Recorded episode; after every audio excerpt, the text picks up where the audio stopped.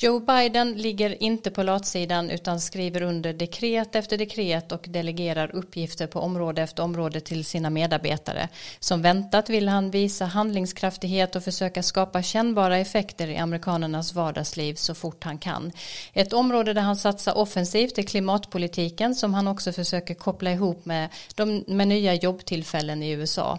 Februari månad är samtidigt Black History Month och Biden har gasat på även vad gäller frågor som rör minoriteters utsatthet.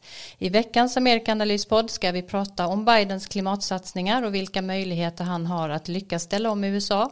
Det ska vi göra med SVTs klimatkorrespondent Erika Bjärström och i vårt huvudtema för dagen fördjupar vi oss i en lång rad frågor som rör afroamerikanernas situation i USA såväl historiskt som det som händer här och nu. Varmt välkomna att lyssna. I have a dream that one day this nation will rise up and live out the true meaning of its creed. This is a place where you can make it if you try. This is a country where anything is possible, no matter who you are. We do big things. Together, we represent the most extraordinary nation in all of history. What will we do with this moment? How will we be remembered? Ja, varmt välkomna. Med mig eh, så har jag som alltid Karin Henriksson nu tillbaka i Washington DC. Hej Karin! Hej! Och Dag Blank som sitter i Stockholm tror jag. Hej Dag! Hallå hallå! Mm. Hur är det att vara tillbaka i DC Karin? Du har varit hemma i Sverige under en lite längre tid. Ja, jo, det är fantastiskt. För min del känns det bara, bara bra. Men det är klart att det, det här med pandemin kan man ju inte komma ifrån. Och sen så, men det är också spännande i, i politiken. Mm. Hade det ändrat sig någonting sen eh, du lämnade DC? Du menar med pandemin, pandemin tänker eller? jag. Mm. Ja, alltså tyvärr fortsätter ju dödsfallen och, och ja, de blir fler och fler. Men eh, det är lite större hoppfullhet skulle jag säga. Och vaccinationerna förmodas ju komma igång. Och sen är det också med Joe Biden som tar det här på allvar och det händer saker. Mm. Eh, inser förstås att två veckor inte är särskilt lång tid men, eh, och mycket händer ändå. Men är det möjligt att säga något generellt om hur det, det går för Biden, eh, Karin? Ja, alltså det är väl kanske lite smekmånad såklart. Men eh, först och främst är det liksom ett större lugn i, politiken och i vardagslivet. Och det var man ju inte van vid under Donald Trump. Och eh, kort så kan man säga att presidenten uppträder normalt, eh, pressekreteraren uppträder normalt, ministrarna uppträder normalt och de gör saker som presidenter och folk i hans närhet brukar göra. Idag ska Biden besöka utrikesdepartementet och han lägger då som du sa i början fram nya förslag så gott som varje dag och eh, det är liksom maskineriet rullar på utan de här Trump-tweetarna. Eh, mm. Eh, och bland eh, Trump-lojalisterna eh, har jag förstått att det allra mest handlar om Marjorie Taylor Greene från Georgia. Hon valdes in i kongressen i november med stöd från Donald Trump trots att hon öppet försvarat konspirationsteorierna från gruppen QAnon bland annat. Efterhand har det grävts fram mer och mer uttalanden från henne. Antisemitiska attacker, krav på att demokrater bör arkebuseras och påståenden om att skolskjutningar skulle vara planerade av vapenmotståndare så att de kan kan få mer stöd för hårdare vapenlagar. Vi ska lyssna eh, kort på ett eh, litet utdrag av henne. But the generations of black and Hispanic men, do you want to know what holds them down? Gangs. Being in gangs and dealing drugs is what holds them down. The lack of education is what hold, holds them down. That's that's not a a white person thing, but gangs mm. control them. They they tell them they tell the young men in their communities, don't go to school. Don't you no, don't you they, don't you move out of this out of this project. Don't you move out of this community. You join this gang. And that's where you belong. you belong with us. The gangs are holding them back. It's not white people. It's it's crazy. Ja, Karin, vad sa hon egentligen? Ja, alltså först ska man nämna bara att eh, det här var eh, ett ehm, inslag i ett radioprogram där de hade klippt ihop en massa uttalanden från Marjorie Taylor Greene. Så att det vi hörde där var programledaren och en gäst som inte kunde tro sina öron när de lyssnade på henne. Men hon säger då alltså att det svarta män de hålls tillbaka av gäng och droger och, mån- eh, och maningar från de här gängen att de ska strunta i att gå i skolan och skaffa sig en utbildning. Och det finns också uttalanden som anknyter till det här bråket eller striden, konflikten om eh, sydstatsstatyer. Alltså statyer av generalerna i inbördeskriget på den förlorande sidan. Och där sa hon att om hon vore svart så skulle hon vara stolt över de här statyerna och säga ja men titta hur långt jag har kommit. Och det är liksom en tondövhet av samma typ som Donald Trump uppvisade. Alltså en total oförståelse för den historiska bakgrunden och minoriteters upplevelser av diskriminering. Och eh, hon är nu, Marjorie Taylor Greene är nu liksom huvudpersonen här i, i Washington tillsammans med då ta, eh, eh, minoritetsledaren i representanthuset Kevin McCarthy som har eh, utsatt för hårda krav på att han måste disciplinera henne på något sätt och det har han nu bestämt sig för att inte göra. Och sen är det då den andra huvudpersonen heter Liz Cheney som är nummer tre i, representant, i det republikanska blocket i representanthuset. Och eh, hon har då framstått som en anti-Trump röst Och den här slitningen är någonting som Kevin McCarthy och hela partiet nu håller på att på något sätt försöka hantera. Det är helt enkelt en identitetskris för partiet. Mm. Den kommer vi säkert tillbaka till. Jag vet att du Dag, innan vi går vidare på våra eh, teman för dagen, har reagerat eh, på en rapportering som gjorts i New York Times eh, om de 77 dagarna mellan valet och installationen av Biden och, och en i Axios tror jag. Vad är det för artiklar som, som du har uppmärksammat? Ja, det är som ett lästips kan man säga. Alltså det är amerikansk journalistik när den är som bäst och då är den oslagbar skulle jag vilja säga. Dels alltså en lång artikel av Jim Ruttenberg i New York Times och andra om de här 20, 77 dagarna som heter Trumps campaign to subvert the election och som i detalj går igenom den strategi som han utvecklade från Alltså dagen efter valdagen fram till, till eh, attacken mot Kapitolium. Och, och, oerhört detaljerat och oerhört intressant eh, systematiserar de, den kunskap som finns om vad som hände. Och man kan, det framträder ett antal mycket intressanta mönster. Den är väl värd att läsa, den anbefaller jag till läsning. Och eh, hur, hur, hur, det, hur det finns en strategi där, hur Trumps strategi utvecklar sig. Och Sen kan man då som grädde på moset läsa i, på news-sajten Axios Jonathan Swan, också en mycket framstående journalist. Det var, inte, jag tror det var han som gjorde den där berömda intervjun med Trump i somras på tv.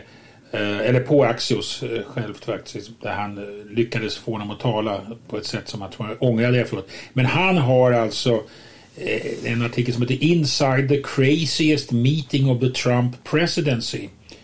Och det vill ju inte säga så lite för det var många lite galna möten där. Och det är precis på slutet hur han när de börjar diskutera möjligheten av att eh, alltså, kalla in militären, deklarera martial law. Och hur de här olika eh, figurerna får tillträde till ovala rummet där man det blir nästan handgemäng. Det finns några då som försöker hindra de här nästan galna advokaterna med de här enormt galna konspirationsteorierna och vad man skulle kunna göra. Och där Rudy Giuliani som vanligt inte kommer speciellt väl ut och underblåser det. Och där det finns några mer lugnande som försöker lugna ner det hela. Och de står och skriker mot varandra och, och nästan slåss. Alltså, det är helt osannolik läsning. Mm. Intressant. Karin? Får jag också komma med ett lästips som, som Dag säger, alltså amerikansk journalistik när den är bra då är den verkligen bäst. Och det här är en artikel i tidningen The New Yorker skriven av Lawrence Wright som heter Pestens år och är en otroligt detaljerad genomgång av vad som hände både i Kina och i USA med coronaviruset. Ja, mycket spännande, bra lästips till oss alla.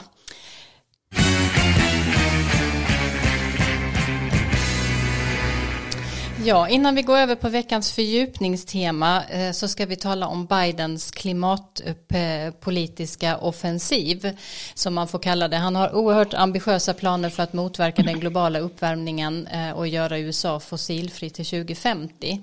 Klimatkrisen har engagerat mig under mycket lång tid. Jag började följa forskningen på området redan under inledningen av 1990-talet och det förbluffade mig minns jag hur lite uppmärksamhet de här frågorna fick eftersom effekterna av den globala uppvärmningen redan var kännbara och forskningen kunde också visa tydliga scenarier för vad som skulle kunna hända om man inte bromsade bland annat fossila utsläpp. Idag vet vi lite mer om vilka ekonomiska krafter inom framförallt fossilindustrin i USA som aktivt motarbetade de här kunskapsfälten och som fortfarande är starka. Jag har själv aldrig forskat specifikt om klimatfrågor men har nu äntligen faktiskt påbörjat ett samarbete med forskare vid Chalmers för att titta närmare på hur lobbygrupper som på olika sätt motarbetar klimatpolitiska initiativ i kongressen kommer att agera i takt med att klimatfrågorna tvingas ta en allt större plats och mer, mer specifikt då i relation till Bidens planer.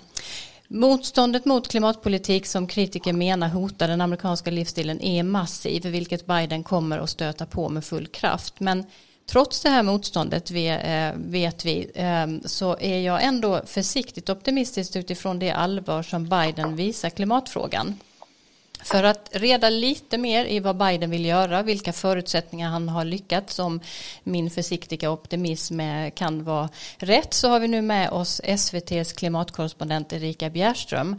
Hon har följt klimatfrågorna globalt sedan lång tid tillbaka och dessutom varit utrikeskorrespondent i USA och känner förutsättningarna där väl.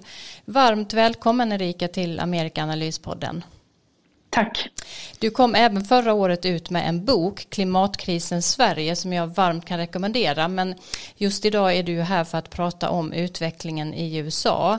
Eh, går det att kort sammanfatta vad Bidens klimatpolitik innehåller och vilka uttryckta mål han har?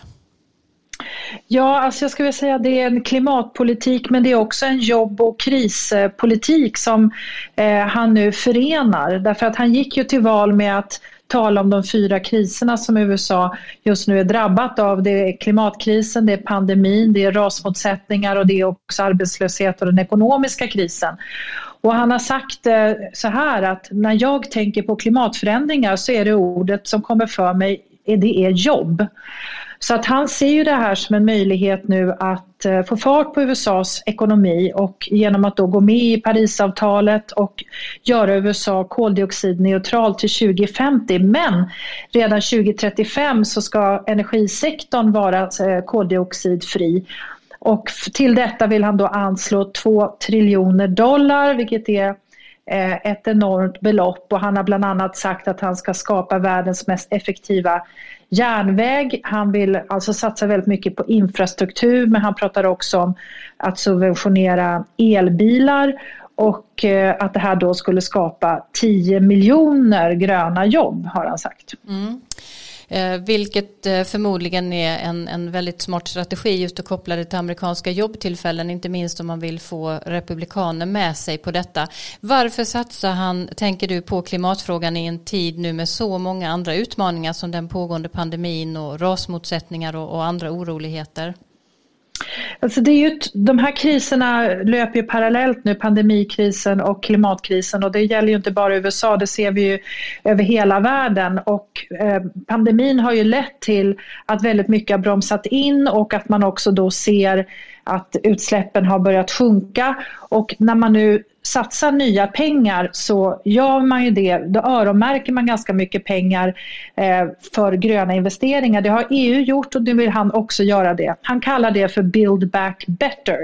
Han fjärmar sig ju från det här Green New Deal som eh, Alexandra Ocasio-Cortez och Bernie Sanders och vänsterflanken inom Demokraterna väldigt gärna vill lansera.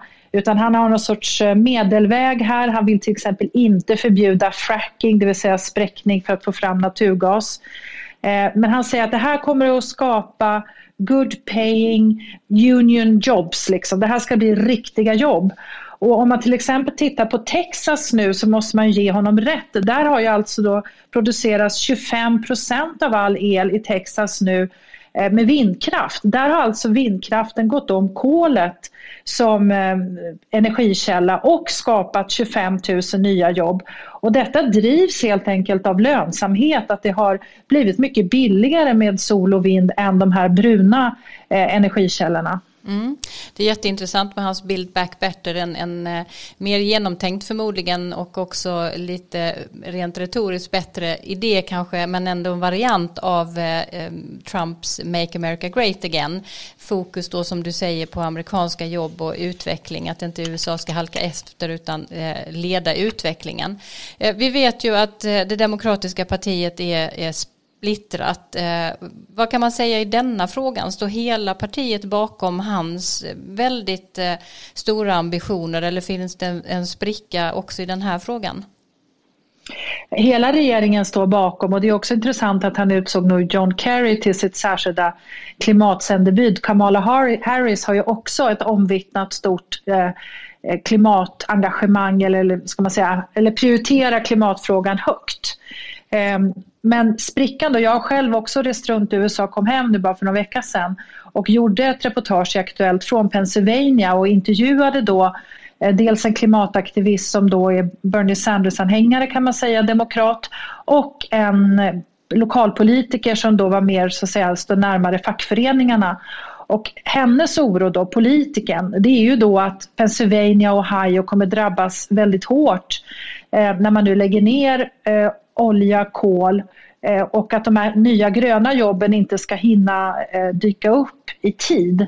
Eh, och att de pekar bland annat på West Virginia där, där vi också reste runt och där ju det råder faktiskt misär på vissa ställen där kolkraften nu har försvunnit och inga nya jobb har kommit istället. Så att mm. han, han, han befinner sig mitt emellan de här två blocken inom partiet. Mm.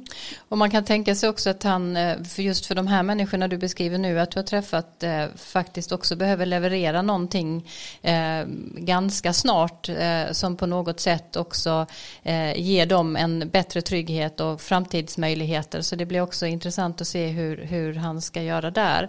Han lovar ju mycket att klimatpolitiken också ska genomsyra handels och utrikespolitik. Hur mm. tänker du att det kan komma att yttra sig och vad finns det för svårigheter möjligheter med detta?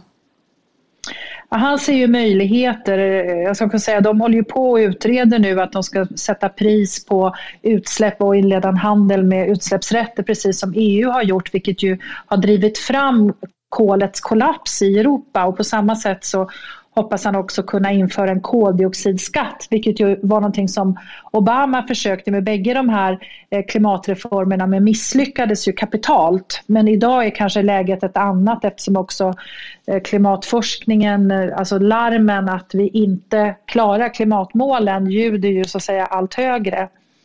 Men när det gäller handelspolitik och så, så vill han ju vara med och tävla om de gröna marknadsandelarna för att gynna amerikansk industri. Och här tycker jag det är intressant att här sammanfaller ju hans politik faktiskt med Donald Trumps, nämligen han, Biden går ju också ut med Buy American. Eh, hans linje är att stötta inhemsk eh, industri men då eh, den, grön, den gröna industrin. Och därför så kommer han bland annat att, eh, kan han tänka sig att införa eh, strafftullar, alltså kol, koldioxid Eh, Eh, tullar. Och det här tycker jag är något att verkligen hålla ögonen på. EU håller också på att utreda det här. Och det innebär i korthet att man då eh, straffar de som eh, exporterar varor till USA som har en högre koldioxidhalt så att säga. Det har gått åt mera koldioxid att tillverka dem än eh, motsvarande varor som amerikansk industri då tar fram. Och det här är ju då för att inte konkurrera ut amerikanska företag medan de nu håller på med den här gröna omställningen. General Motors gick ut häromdagen till exempel och sa att de kommer sluta tillverka bensinbilar 2035. Och det är klart i den här fasen när de nu går över till ny teknik så är de ju också ekonomiskt sårbara. Mm. Eh, man kan ju också säga att USA har hamnat på efterkälken i det här globala racet nu att vinna marknadsandelar. Eh, Kina, till och med Kina har ju tagit ett tydligt mål nu att de till 2060 också ska vara net zero som man säger, koldioxidneutrala. EU har redan tagit det här. Så USA är lite sist på bollen här nu i att försöka eh, vara med i det här ganska lönsamma, eller väldigt lönsamma racet efter grön teknik. Mm. Du har beskrivit många saker som han lovar hur han ska göra eh, och också riskerna med det på olika sätt. Men vad ser du mer för politiska risker avslutningsvis med, med hans ambitioner här? Alltså det är klart att det finns väldigt, det är inte svårt att se eh, problemen hur han ska lyckas med detta. Det är en ganska tajt tidsplan. Eh, han behöver verkligen få med sig kongressen, att de tänker samarbeta när det gäller att rösta ja till olika klimatlagar. Till exempel en koldioxidskatt som forskningen är helt enig om är den nummer ett när det gäller att eh, få ner utsläppen. Eh, det är det som är mest effektivt. Eh, och som vi vet så har de ju en otroligt, otroligt tunn majoritet i senaten. Så det beror ju väldigt mycket på om han lyckas få med sig först och främst alla demokrater men kanske också några Eh, republikaner när han nu ska börja driva igenom eh, sina förslag och framförallt få loss de här enorma beloppen. För att han ser ju framför sig att nu är det läge för en sorts Roosevelts New Deal här med stora statliga insatser framförallt på eh, landsbygden för att få igång jobb med gröna förtecken. Och där, jag vet inte vad ni andra tror, Dag och Karin, men, men det känns ju inte som att den ambitionen har testats ännu därför att det är ju så de har ju bara varit igång eh, så kort tid. Mm. Eh, ja, vi får höra eh, Dag och Karin kanske om detta om en liten stund. Men varmt tack Erika Bjärström för att du ville gästa oss i vår podd. Vi hoppas verkligen att du vill komma tillbaka någon gång längre fram när vi ser hur den här frågan utvecklar sig och vad som händer med Bidens ambitioner. Eh, jättevarmt tack. Mm, tack, hej.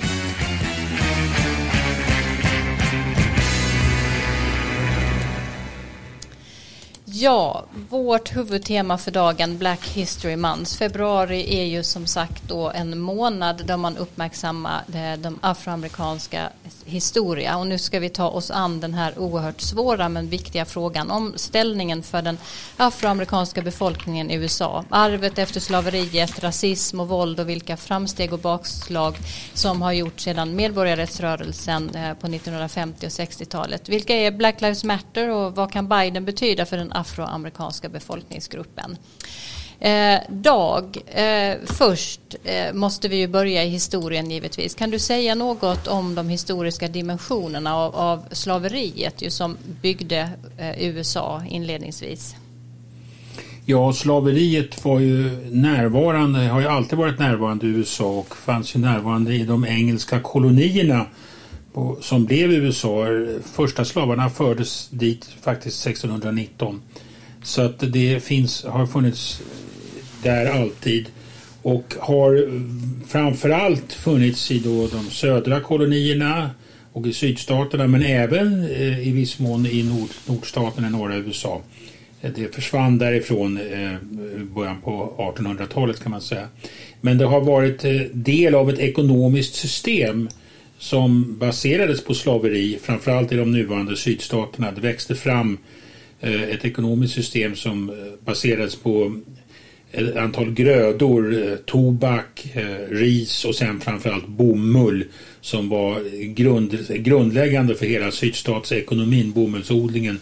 Och det är en, en bomulls, att odla bomull och skörda bomull är väldigt, väldigt arbetsintensivt och då använde slavar. Och det var en, den transatlantiska slavhandeln var betydande under, under flera hundra år och var en del av den så kallade triangelhandeln fram och tillbaka mellan Europa och Amerika.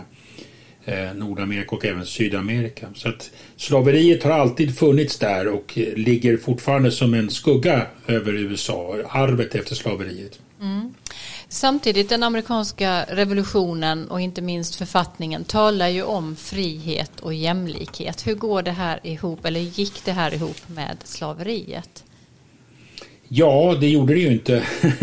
det var ju det som var den stora paradoxen så att säga. All men are created equal som, som, som Jefferson skriver i, i självständighetsförklaringen. Eh, eh, samtidigt som man äger slavar. Det var den stora eh, paradoxen eller det som Gunnar Myrdal senare kallar för det amerikanska dilemmat. Hur man kunde få ihop det så att säga. Och det blev en olöst fråga ehm, när man skrev den amerikanska konstitutionen till exempel. Skulle konstitutionen säga någonting om slaveri eller inte? Eh, det fanns ju då eh, en rörelse, en abolitioniströrelse som var stark som hade vuxit fram i USA. Det, framförallt i norra delar av USA där man ville motsatte sig slaveriet och man ville förbjuda slaveriet. Men hade man drivit den linjen så, så hade det aldrig blivit någon konstitution för det hade aldrig då eh, delegaterna från det som blev sydstaterna gått med på. Så konstitutionen säger ingenting om slaveriet. Den ursprungliga konstitutionen uttalade sig inte om slaveriet. Det finns eh, indirekta referenser till slaveriet. Det finns kanske den mest kända är den så kallade tre femtedels kompromissen. För man skulle ju eh, hade ju ett system för hur man skulle räkna hur många människor som bodde i USA. Eh, systemet med representanthuset det är ju under, underhuset i den amerikanska kongressen som vi vet. Och där har man ju ledamöter i representanthuset i förhållande till delstatens storlek. Och då blev ju frågan, skulle man räkna med slavarna som fanns i i sydstaterna. Eh, det var ju många slavar i vissa sydstater. Det var en stor, en betydande andel av befolkningen. Skulle de räknas med då eller inte? Om man sa ja på den frågan då skulle ju sydstaterna få större befolkning och större antal, högre antal ledamöter i representanthuset. Det skulle gynna dem då. Samtidigt så skulle, var de ju slavar, de hade ju inga rättigheter. Skulle de då räknas med? Och då kom man till den här märkliga tre femtedels kompromissen så att slavarna skulle räknas som tre femtedelar av en fri fri person så att säga. Så att det, det, där, och den frågan, det blev kompromisser och frågan löstes egentligen aldrig förrän det, amerikan, det amerikanska inbördeskriget som ju Eh, rasade eh, från och med 1861 i fyra år. Och där så efter det så löstes frågan genom att man eh, ett antal tillägg till den amerikanska konstitutionen tre tillägg till den amerikanska konstitutionen där slaveriet förbjuds och där de de sydstater som hade utträtt ur unionen när Lincoln valdes president, de blev tvungna att acceptera dessa Civil War Amendments som de kallas för, för att kunna återinträda i, i, i, i unionen. Mm. Karin, kan du lotsa oss eh, genom 1900-talshistorien lite eller den mer moderna eran när det gäller de här frågorna?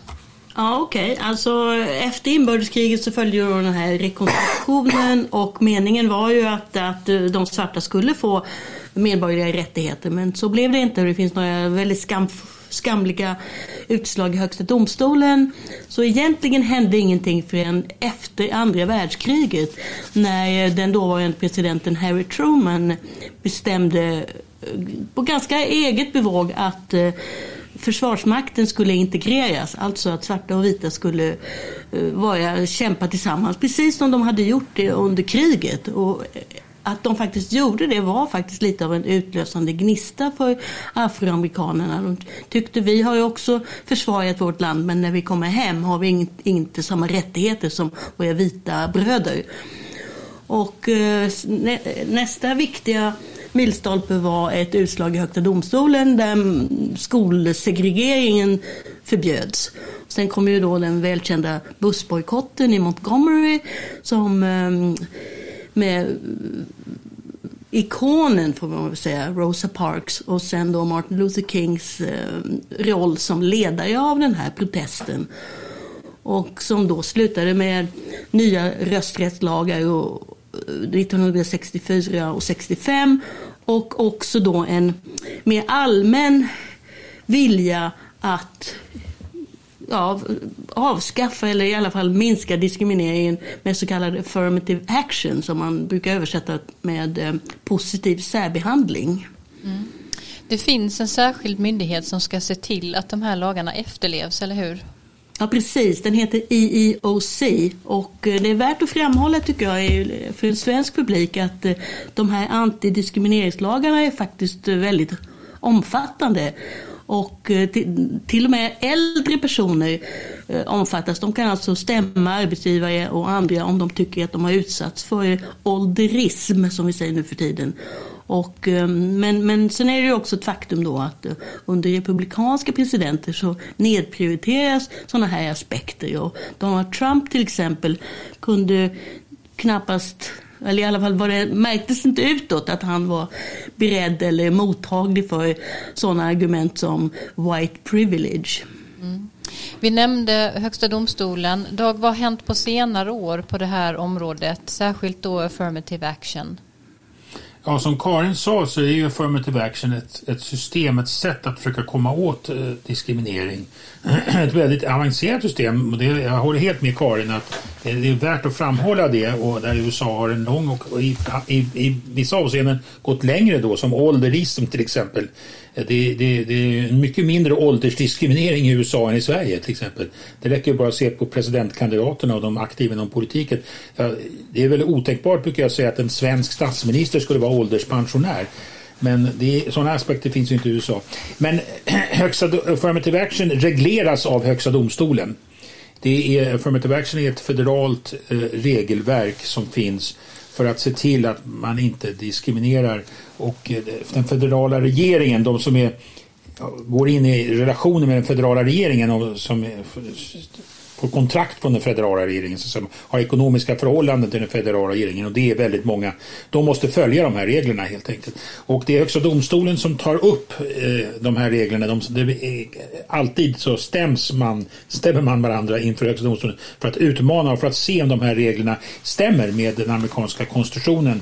Framförallt med det 14 tillägget eh, resonemang om, om equal protection och equal treatment.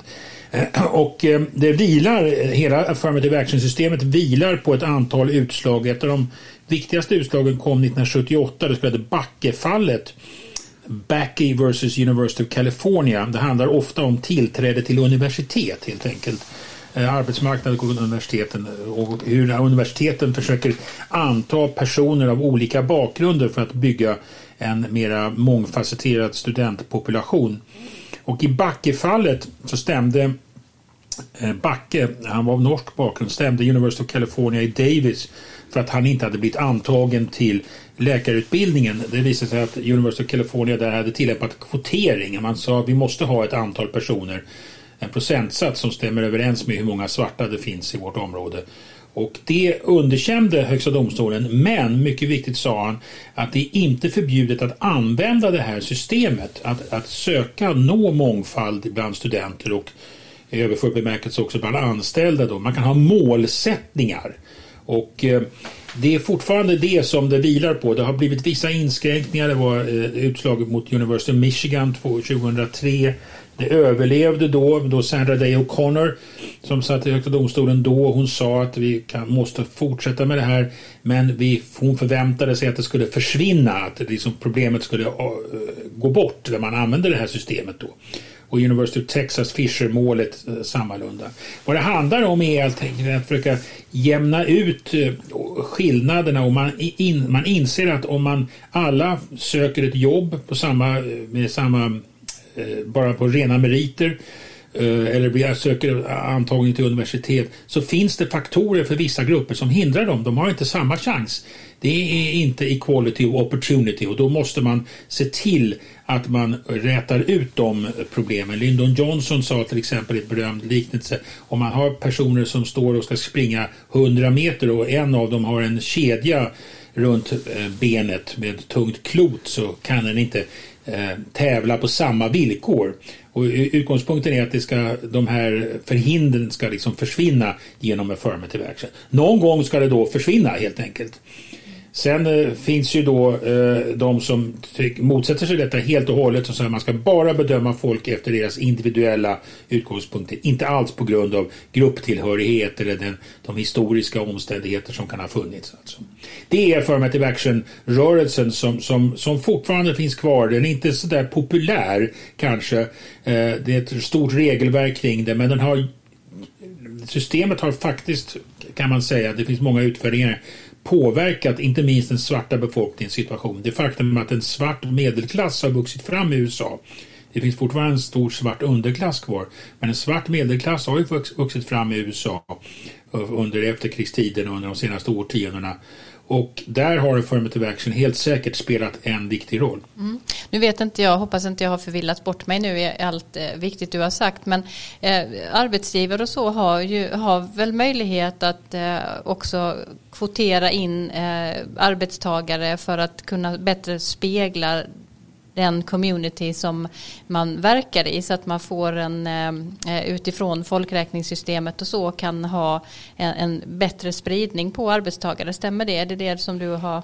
Ja, det är det som är utgångspunkten. Om du, om du har ett företag i en, i en viss plats och så tittar du på hur ser det ut eh, i din, i din ort? Hur många svarta finns det? Hur många latinos finns det? Hur många minoritetsgrupper? Hur många vita?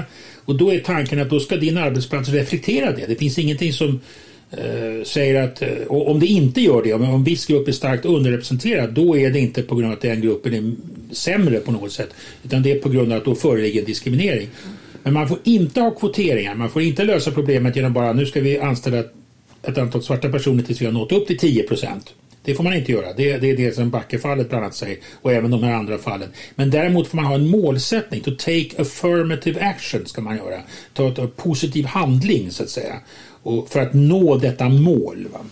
Det är, ibland är det en fin linje av vad, vad är en kvot och vad är ett mål men, men det där är en väldigt viktig distinktion. Mm. Och, eh, Jättebra, mm. nu blev det lite tydligare och det är ju också en väldigt intressant eh, skillnad här gentemot Sverige. När det gäller eh, Black Lives Matter så har ju den här organisationen faktiskt eh, just i dagarna fått Olof Palmepriset. Sverige har länge uppmärksammat eh, de svartas kamp i USA, stämmer det Dag? Ja, det har funnits ett, ett intresse under lång tid i Sverige för den svarta befolkningens situation. Eh, om man läser några av de klassiska reseberättelserna, Fredrika Bremers Hemmen i de nya världen, eh, den skrevs ju på 1850-talet medan slaveriet fortfarande fanns i sydstater som hon reste rum i, runt i. Hon är mycket upprörd över slaveriet. Och eh, sen har vi då naturligtvis eh, Gunnar Myrdal eh, som bjöds in av en stiftelse i, i New York att på 1930-talet, eh, slutet på 30-talet, att skriva en stor studie. Man ville, Carnegie-stiftelsen ville ha en belysning av rasrelationerna som man säger på engelska. Alltså man talar om ordet ras utan den pejorativa betydelse eller som vi har på svenska. Och det gjorde han tillsammans med en grupp forskare i USA, en enormt stor och inflytelserik studie som heter An American Dilemma. Och den satte liksom ett eh, ett, ett tonläge för mycket av diskussionen om, om eh, rasrelationerna. Så där finns en lång historia. Och eh, medborgarrättsrörelsen som Karensen talade om, när den växer fram på 1950 och 60-talet så blir det ett stort intresse för den i Sverige och Martin Luther King inte minst blir ju en, en, en, mycket viktig person över hela världen. Han var ju viktig i USA förstås men mycket beundrad i hela världen. Han får ju Nobels fredspris. Men i Sverige fanns en speciellt intresse för Martin Luther King och 1966 så ordnades det en gala eh, på Operan, en gränslös kväll på Operan där man hade samlat in pengar till medborgarrättsrörelsen. Eh, i Sverige för att stödja de svartas kamp och det var en stor, mycket stark sympati för det. Och man bjöd in King, han hade varit i Paris också för att tala med fransmännen som hade hjälpt dem. Men han kom också till Stockholm och han sa att i Sverige hade man hjälpt dem ännu mera och det var en, en mycket stort framträdande med gräddan av svensk eh, artister, Hasse och Tage, Harry Belafonte var eh, konferencier, statsministern var närvarande och Gunnar Myrdal. King pekar speciellt ut Myrdal. Och då säger, Myrdal, då säger King, han tackar Sverige, då tackar han Sverige på ett alldeles speciellt sätt. Och det kan vi höra här i detta ljud. Never before has an entire nation come forth with such a total commitment to our cause. And truly, Sweden is a nation with a conscience. And truly, Sweden demonstrates in her life and politics a recognition of the interrelatedness of all mankind. Ja. Det, var ju väldigt, det var ju väldigt positiva ord för Sverige. Sweden is a nation with a conscience. Så att säga. Han verkligen lyfte fram Sverige och det passade nog väldigt mycket in i en sorts svensk självuppfattning. Eh, om, om det. Sen kan man bara lägga till att även Stokely Carmichael, en mycket mer radikal svart eh, medborgarrättsaktivist, kom till Uppsala och Stockholm eh, och på 60-talet och höll mycket revolutionära tal men även han var väldigt uppskattad. Och och man, just BLM slutligen, de, när Black Lives Matter-rörelsen växer fram i USA då som en sorts nutida variant av medborgarrörelsen den har ju också väldigt stor sympati och efter George, när George Floyd dödades här nu i, i maj de stora demonstrationer som fanns i USA fanns ju också i, i Sverige och i Stockholm var det stora sympatidemonstrationer där många kom ut från de svenska förorterna och sa att vi känner igen den här situationen. Vi behandlas, lika illa av den svenska polisen som de svarta i USA behandlas av den amerikanska polisen.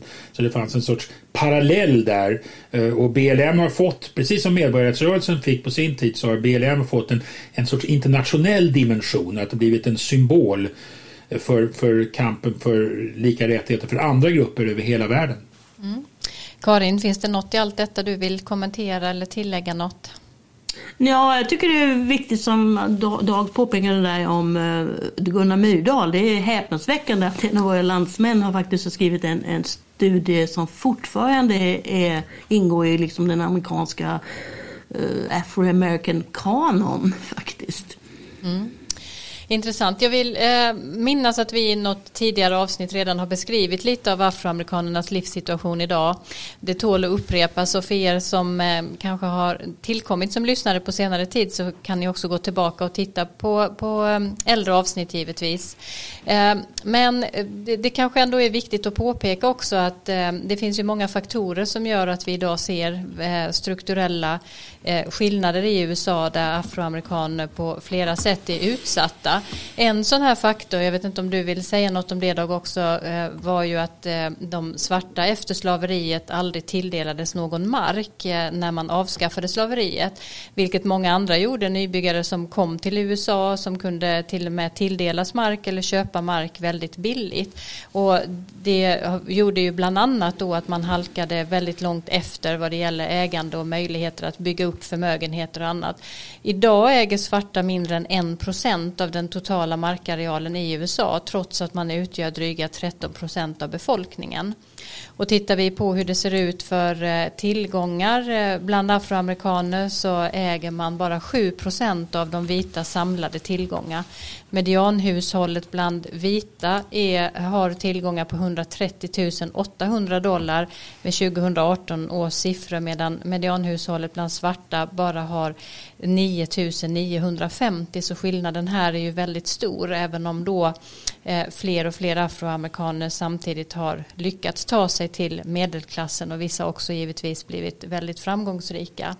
Afroamerikaner med collegeutbildning har faktiskt mindre tillgångar generellt än vad vita utan college har.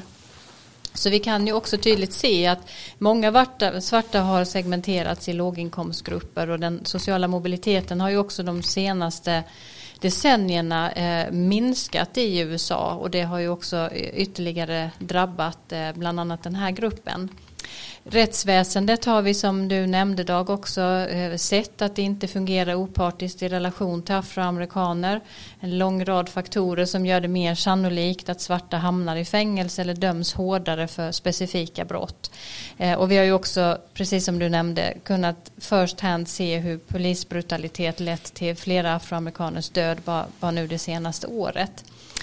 Vill man läsa mer om just rättsväsendet ehm, eh, och hur det ehm, eh, ser ut eh, just för afroamerikaner så kan man gå in på exempelvis Equal Justice Initiative EJI.org eller .org. Det finns också en ny film på HBO som heter Just Mercy som handlar om grundaren till den här organisationen som hjälpte dödsdömda fångar i Alabama att få sina fall prövade igen och lyckades fria några som var oskyldigt eh, dömda på 1980-talet.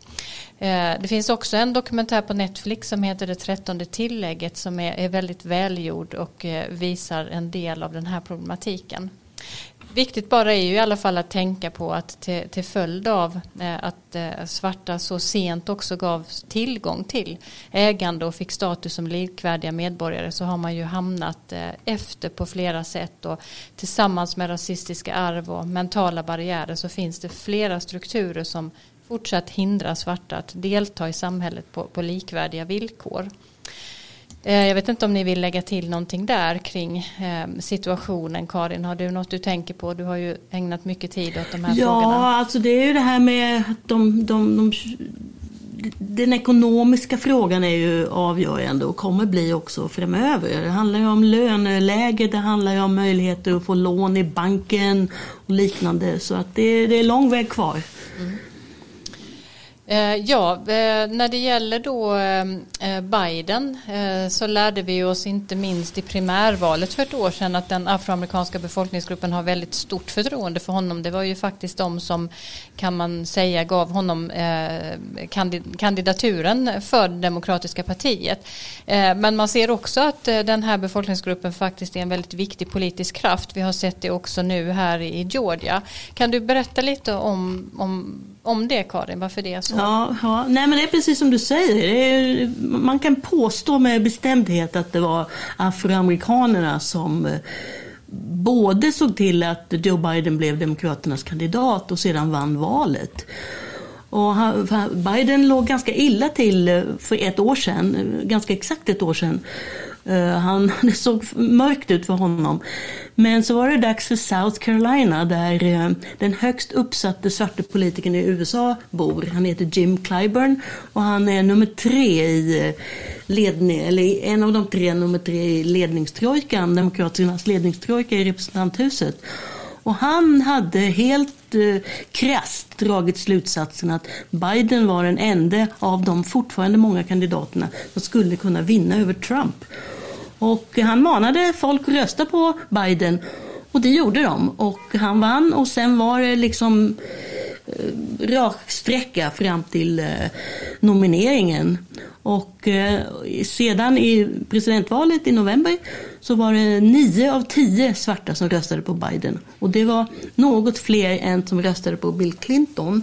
Och en, en annan sanning i det här sammanhanget är att eh, om de svarta stöd hade varit lika stort för Hillary Clinton 2016 som det var nu för Biden så skulle hon ha vunnit.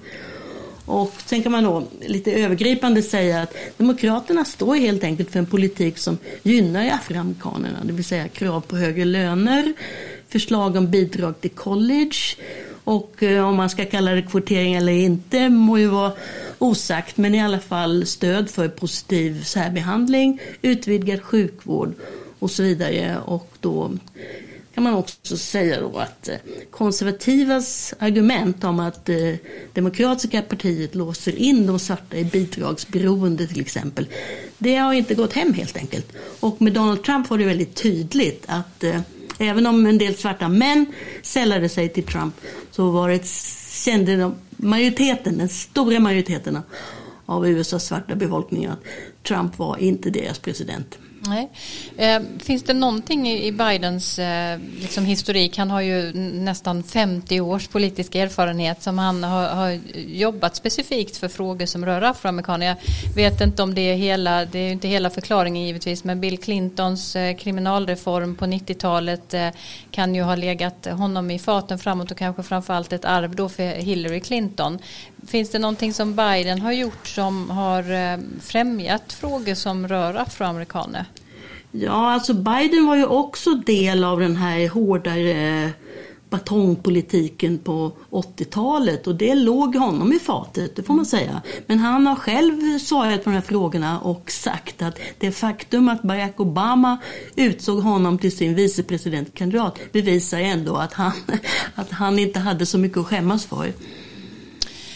Eh, jag har tänkt på det sen, eh, sen senatsvalen i Georgia som ju eh, blev en skräll får man ju faktiskt säga om de här segrarna var en seger för den afroamerikanska befolkningen i delstaten och för deras frågor. Kan man, kan man säga så Karin? Ja, man kan säga att det handlar ju som så ofta även om symbolik. Men att nu Georgia, en, en av de tyngsta, ska man kalla det för, en, en sydstat i det ordets eh, lite sorgliga bemärkelse. Nu har de en svart senator, nämligen Raphael Warnock och det är naturligtvis ett, ett, ett stort, det har stort symbolvärde. Och sen har vi då Stacey Abrams som eh, vi har nämnt förut i vår podd, men hon har ju då i många år verkat för att öka valdeltagandet, särskilt då bland minoriteter och här lyckades det och det är, det är, det är viktigt. Och eh, den andra segraren i det andra senatsvalet, John Ossoff, tillhör också en minoritetsgrupp, nämligen den judiska. Och för svarta i debatten så, så är man tillbaka lite grann vid det här vid att det är viktigt att få ökad politisk representation. Och eh, där går det faktiskt framåt. Nu är det tre senatorer som är svarta och hela 57 ledamöter i representanthuset. Och det, eh, den senare siffran det motsvarar faktiskt andelen av befolkningen, alltså 13 procent. Och sen är det många storstäder som har svarta borgmästare, till exempel här i Washington och i grannstaden Baltimore. Och det är inget lätt jobb får man säga. Det är ju tufft med fattigdom och nu med pandemin som jag har slagit väldigt hårt mot minoritetsgrupperna. Och slutligen så kan man också, vad man kanske också nämna då, vicepresidenten Kamala Harris, som hon är ju inte bara första kvinnan på den posten, utan den första svarta vicepresidenten med en far från Jamaica och en mor från Indien. Mm. Eh, du har ju skrivit en bok om afroamerikanerna, Karin, En droppe svart blod som eh, eh, vi inte nog kan rekommendera för alla som är intresserade. Och du har ju berättat att du får många frågor om Black Lives Matter och vilket inflytande de har politiskt. Ja, det stämmer. Det är väldigt många som ställer den frågan och den är inte helt lätt att svara på. Men, men på det hela taget så går det liksom framåt och jag tror också om man tittar på våren 2020 så hände någonting där. Det var för många exempel på polisbrutalitet mot eh, så gott som försvarslösa svarta män. Och vita marscherade precis som de svarta i de här protesterna. Och eh, det fanns, dök upp då ganska snabbt och ganska överraskande faktiskt med yrvakna kommentarer om den envisa rasismen till och med från storföretag som lovade bättring och anställa fler eh, minoriteter. Och där ligger liksom tanken, den ädla tanken är ju att vi måste ha med alla grupper i vårt land. På det sättet tjänar alla på, eh, på, på en, annan politik. Men sen kom ju då de här kravallerna under sommaren i städerna som Minneapolis och Seattle och då de här ständiga bredsidorna från Donald Trump. Han utpekade BLM som Antifa-anarkister när då, eh, i själva verket är, det ju, är nog alla ense om att det är högerextremister som stämplas som det största inhemska terroristhotet. Så det, det, det är komplicerade faktorer. Mm. Följdfrågan blir förstås vad, vad hände sedan? Efter de här? Ja, ja, Donald Trump förlorade valet. Men, men på sikt nu så kommer det, måste vi ju alla titta på, det kommer vi säkert komma tillbaka till många gånger, att eh, det är ju demograf, demografiska förändringar på gång. Fler och fler i, vit, i, USA, de är inte svarta eller vita, utan de, är, de, ja, de kan tillhöra flera grupper på en gång. Och, eh, men värt att minnas ändå då är ju att the old south, så att säga, lever kvar. I landet som helhet fick eh, Joe Biden 7 miljoner fler röster än Donald Trump. Men i de 11 staterna som ingick i sydstatskonfederationen, alltså under inbördeskriget, så fick Trump 3 miljoner fler röster än Biden. Så, men, men, men vi får, vi får se. Vi får se. Mm. En följdfråga till då, finns det någon medborgarrättsrörelse idag? Ja, tyvärr är nog det korta svaret nej. Eh, förgrundsfiguren John Lewis, eh, han avled förra året. Och Jesse Jackson som har varit en ständig ständigt närvarande på barrikaderna. Han börjar närma sig de 80. Han syns mer och mer sällan. Så, men samtidigt är naturligtvis svaret både ja och nej. Och BLM då, de kämpar ju för en medborgerlig rättighet alltså färgblindhet i rättsväsendet. Och de har fått många veteraner i the movement, som man säger, att glädjas över att så många ville gå ut och marschera. Och eh, sen har vi då Stacey Abrams som jag nämnde för en stund sedan, som fortsätter kampen för lika rösträtt och med stor framgång alltså. Och eh, utmaningen nu för Demokraterna 2022 och 2024 blir att upprepa den här triumfen från Georgia i andra delstater och slå tillbaka mot de inskränkningar i rösträtten som planeras nu i republikanskt styrda delstater. Sen finns det då krafter som driver på för skadestånd, reparations och en rad spännande svarta intellektuella som författaren eh, Ta-Nehisi Coates och Michelle Alexander och krönikören i New York Times som heter Charles Blow med flera, med många flera. Mm. Jag vet inte Dag eh, om du har några tankar om detta, hur det ser ut idag med mobiliseringen och eh, olika färgstarka personligheter som är med och försöker ta plats för svartas rättigheter på olika sätt. När du jämför historiskt, vad ser du och tänker du om allt det här? Ja, det är som Karin säger att det har ju skett en förändring. Det, det är ju det är uppenbart. Alltså det är stora problem och det, en, det svarta samhället har ju klu, kluvits. Så att säga. Tidigare, innan medborgarrättsrörelsen, så kanske det var mycket eh, enhetligare och, och, lägre ner på den sociala skalan. Som vi har sagt så det finns en stor svart eh, underklass Eh, mycket sämre levnadsomständigheter. Men så finns den här eh, medelklassen som har vuxit fram också då.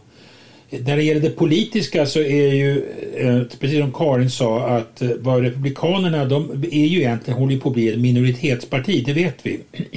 De får ju färre röster så att säga av, av alla avgivna röster i presidentvalet och räknar man i senaten så har, räknar man ihop alla röstetalen i senaten så vinner ju Demokraterna. Men på grund av valsystemet så, så gynnar det Republikanerna. Plus då de här olika försöken att voter suppression helt enkelt som finns i många delstater. Och eh, det finns en väldigt intressant eh, artikel eh, av Ron Brownstein i, i, eh, i Atlantic tror jag härom, häromveckan här. Och han talar om att för Demokraterna de här demografiska förändringarna, generationsförändringarna, de talar ju till förmån för Demokraterna så att säga, under de kommande valen. Och att det, enda chansen så att säga, för, för Republikanerna det är att vidmakthålla de här eh, begränsningarna och försöka se till att voter suppression är ett projekt som, som lyckas. Och det och hans råd till Demokraterna var att eh, fokusera på eh, de frågorna, se till att rösträttsfrågorna blir centrala, precis som Stacey Abrams och de gjorde i Florida när det gäller mobilisering. Och inskränkningen, den inskränkning som finns i Voting Rights Act, där Högsta domstolen eh, 2013 var det väl, i, i eh, eh ett fall eh, urholkade den federala regeringens möjligheter att ha uppsikt, alltså pre-clearance kravet att, att, att de områden där det fanns en historia av, av eh, rösträttsundertryckande, där svarta hade blivit förnekade sin rösträtt, där trädde den federala regeringen in då genom Voting Rights Act och kunde ha uppsikt över de här områdena. Den möjligheten försvann genom detta utslag i, i, eh, i, eh, i Högsta domstolen. Och då, man sa att det behövdes inte längre för att det, de här problemen hade försvunnit. Och det är ett stort, stort problem tror jag. Det, jag tror precis som Karin sa att det är där Demokraterna måste ha, ha sikta in sig på de försök som görs att stoppa eh, tillträde till rösträtten helt enkelt. Just när det gäller voter suppression, jag tror du har skrivit någon artikel om det någonstans Karin, stämmer det? Ja, jag har skrivit lite om det på vår på blogg. Ja, jag tänkte annars om det var på Utrikesmagasinet. Ja, det har jag också gjort. Ja, ja. Jag Utrikesmagasinet. Mm. Ja, jag skrev också tillsammans med Magda Gad i höstas en ganska lång artikel med just eh, lite bakgrund också till det här. Så vi kanske kan dela de texterna på vår blogg för de som är intresserade lite mer av hur det, eh, system, eh, hur det fungerar och vad, vad de här lagförändringarna har gjort. Eh, men jag är ändå lite nyfiken på eh, om den här eh, uppgången eller mobiliteten som vi såg förra året med Black Lives Matter även om vi då också såg ett bakslag över, under sommar och annat. Men att nu eh, eh den afroamerikanska befolkningsgruppens eh, situation ändå har blivit någonting som man pratar om och som fler och fler vita erkänner. Kan det skapa en, en om om inte en medborgarrättsrörelse ny men ändå eh, bibehålla den här kraften framåt? Vad, vad tror du om det Karin? Ja, jag tror att det är ändå en, en, en annan skjuts i de här frågorna än vad det har varit eh, kanske ända sedan ja, om man tittar tillbaka så var ju naturligtvis den jättestora eh, ja, vad ska man kalla det? Alltså det, när Barack Obama valdes, det var ju naturligtvis en enorm eh, glädje bland både svarta och vita. Men sen med Trump då har det ju varit ett bakslag och nu, jag, jag, jag, tror, jag tror faktiskt att det och, ja, man kan diskutera fram och tillbaka vad det betyder att det är svarta ansikten i tv eller i, i styrelserummen och så vidare. Men de, det blir fler på, på de flesta håll, som vi nämnde då i kongressen till exempel. Så, så jag, jag skulle säga att det går framåt. Mm. Men kanske inte så snabbt som det borde. Nej. Eh, vi får se, vi får följa den här frågan också givetvis. Det, det är kanske hög tid att ta upp Joe Biden mer precis i det här sammanhanget. Han undertecknade en presidentorder i förra veckan med ambitionen Advancing Racial eh, Equity and Support for Underserved Community through the Federal Government. Eh, och då lät det så här, vi lyssnar på det. The moment it arrived as a nation where we face deep racial inequities in America and system, systemic racism that has plagued our nation for far, far too long. I said that over the course of the past year that the blinders have been taken off the nation, the American people. What, what many Americans didn't see or had simply refused to see couldn't be ignored any longer. Those uh, eight minutes and 46 seconds that took George Floyd's life opened the eyes of millions of Americans and millions of people around all over the world. It was the knee on the neck of justice, and it wouldn't be forgotten. Ja, vet inte om det här är veckans Biden eller inte. Vi får väl återkomma till det om vi ska ha det temat. Men hur mottogs just den, det här eh, som kom från Biden i veckan? Ja, det visar ju att Joe Biden menar allvar med sitt tal om att motverka rasdiskriminering och verka för då som frasen lyder racial justice. En del eh, konservativa kommentarer har riktat in sig på att han säger equity och inte equality. Båda betyder likhet, jämlikhet. Men med ordet equity så följer då att eh, åtgärder måste vidtas för att uppnå den här jämlikheten. Och eh, man kanske kan nämna också kort att eh, i Barack Obamas bok, som tillhörde de mest sålda i Sverige också förra året, så förekommer både race och racism i eh, innehållsförteckningen. Och det längsta avsnittet det handlar om hans tal om de förenta staterna, inte de blå eller de röda staterna. Och dessutom, och det andra fallet är rättsväsendet. Och han nämner ju också Joe Biden som var ju hans vicepresident. Och att Obama skickade honom till kongressen för att förhandla om budgeten. Och det var inte bara för att Joe Biden var en erfaren lagstiftare. Utan för att motparten då, republikanen Mitch McConnell, eh, var rädd för att eh, hans republikanska bas skulle, ret, skulle bli uppretad ifall eh, det var den svarte muslimske socialisten Obama som var motpart. Därför var det bättre med, med, med Joe Biden. Men, eh, men slutligen, det mottogs väl bland de svarta, men de väntar naturligtvis på resultat. Och jag skulle tro att de är ganska otåliga och det kommer då handla om de här ekonomiska faktorerna och utbildning.